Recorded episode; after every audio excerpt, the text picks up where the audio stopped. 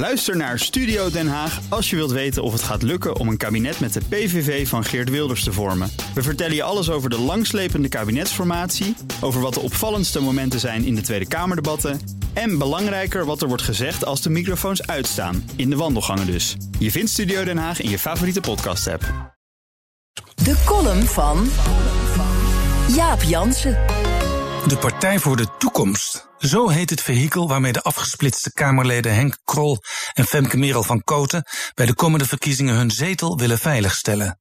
Meteen moest ik denken aan Kies voor de Toekomst, een affiche van GroenLinks, en Klaar voor de Toekomst van D66.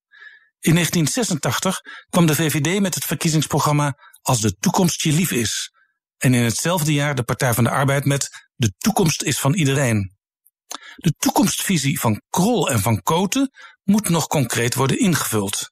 Dat gaan ze doen, staat onderaan hun website, door de oude programma's van 50PLUS en de Partij voor de Dieren in elkaar te schuiven en vervolgens nieuwe standpunten te bepalen via internet met een doorlopend congres, een digitale fractiekamer.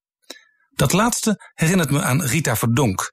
Die stapte uit de VVD en schoot omhoog in de peilingen met precies die belofte dat ze voortaan via internet haar kiezers zou laten beslissen. Heel modern allemaal. Via het ouderwetse stembiljet kreeg Rita uiteindelijk nul zetels. Ik moest ook denken aan het Algemeen Ouderenverbond. Die partij kwam in 1994 met zes zetels de Kamer in. Samen met trouwens nog een oudere partij, nadat het CDA had gepleit voor bevriezing van de AOW. Een concreet strijdpunt, beloond door de kiezers. Maar de senioren leverden niet. Binnen de kortste keren waren er vijf oudere fracties. En bij de verkiezingen van 98 verdwenen ze allemaal weer. Fractieleider van het AOV was Jet Nijpels, die heel lang in Eindhoven bij Henk Krol in de straat woonde. Zij snapte niet meteen waarom nou juist Henk in 2012 lijsttrekker moest worden van 50PLUS, maar het thema begreep ze heel goed.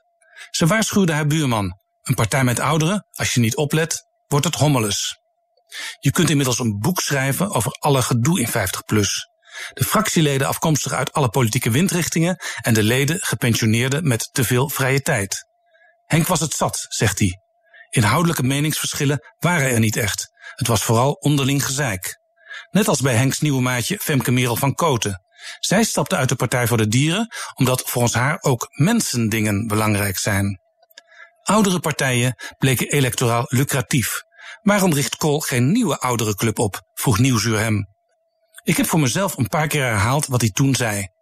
Dat doe ik niet omdat ik vind dat je niet op leeftijd moet discrimineren. Pardon? Waarom focuste hij zich dan al die jaren puur en alleen op het oudere belang? Het logo van de nieuwe partij is een opgaande zon. Het zou me niet verbazen als die weer snel achter de horizon verdwijnt. Columnist Jaap Jansen. Terugluisteren? Ga naar bnr.nl of de BNR-app. En daar vindt u ook alle podcasts. Ook Diana Matroos vind je in de BNR-app. Ja, inderdaad. Je kunt live naar mij luisteren tijdens de Big Five. Ook handig in de BNR-app. Breaking nieuwsmeldingen, maar ook het allerlaatste zakelijke nieuws. En je vindt in de app alle BNR-podcasts, waaronder Wetenschap Vandaag. Download nu de gratis BNR-app en blijf scherp.